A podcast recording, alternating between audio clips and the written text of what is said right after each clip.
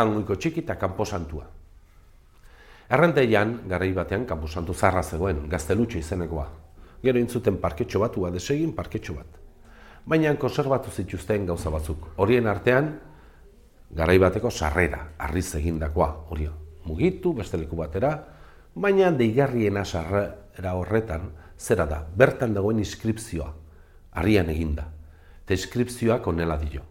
Orain esaten duzuegu gatik, gero zuen gatik esango dutena hil ziren. Aspaldiko garaian ere, jangoiko itxek izeneko gizon bat biziomen zen. Gizon gaiztua, denak beldurra zioten. Boa, eta gizon honek, jangoiko itxeki honek, ez zuten bat ere gustokuak, ba, sorginen eta hildakoen eta agertutakoen historioiek. Berak, ez zaukalako, zerren beldurrik.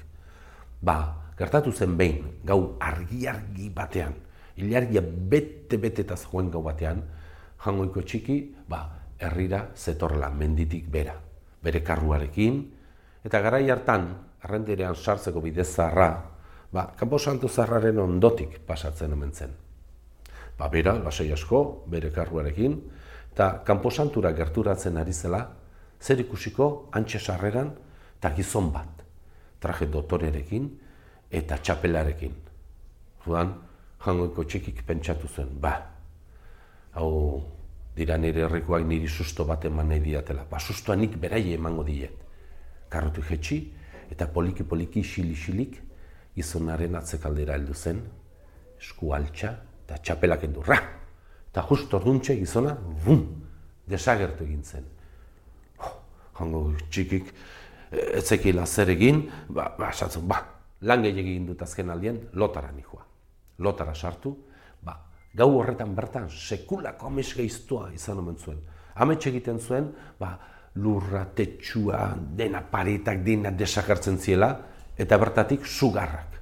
Esa, eta zu artetikan hildakoak. Eta hildakoak bere ganantza zetozen. Gerota gertuago, gerota gertuago, eta ja bertan zeudela, bum, esonatzen zen, izerditan eta uh, beldurrak airean, Eta horrela gauero, gauero, gauero, gauero. Eta egunez ere, ba, gertaera arraroak gertatzen ziren bere txean. Ba, berak esaten zuen presentziak somatzen zituela.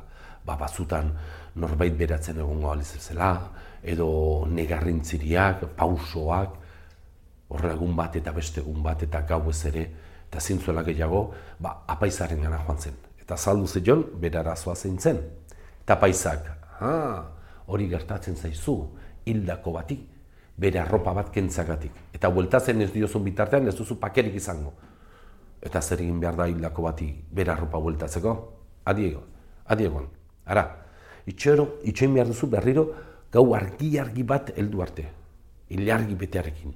Orduan, txapel hartu, kanpo santura igo, eta Elizako kanpandorrean gaueko amabia jotzen dutenean, hasi irakurtzen handagoena, behin.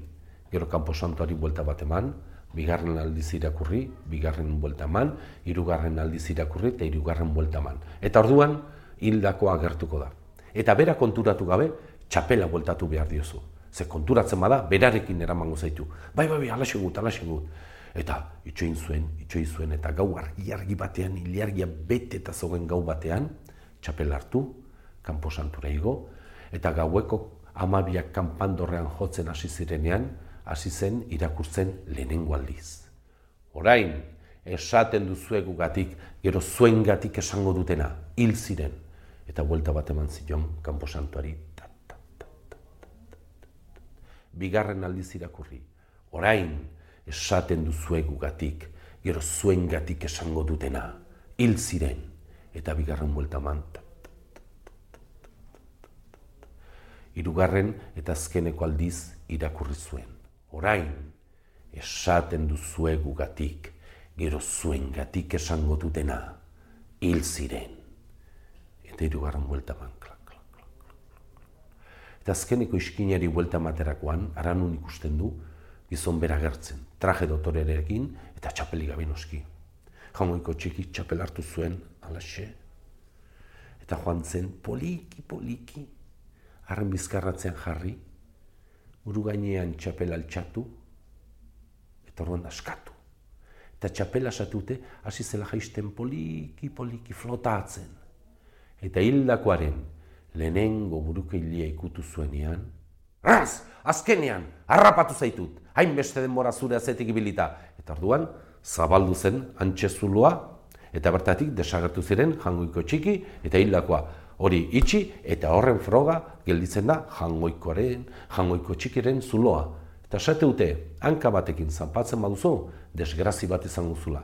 Baina biankekin zanpatzen baduzu, gainean jartzen bazara, hil egiten zarela urtebeteko epean. Ha, baina hau ez da okerrena. Okerrena da, obrekin eta esan dizuet, aldatu dituztela gauzak, eta espaloia zabaldu, sarrera aldatu, eta ez dakigula oso ondo, jangoiko txikiren zuloa nun gelditzen den. Eta behar bada, joaten bazarete, parke txorretatik pasiatzera, eta konturatu gabe, zapatzen baduzue, jangoiko txikiren zuloa, desgrazi bat izango duze, ez dakizuela zergatik. Eta sinisten ez baduzue, zoazte, renteko kanposantu zarrera, gaztelutxo kanposantura, tantxe ikusiko duzue, inskripzioa, ikusiko duzuena, zuloa izango da.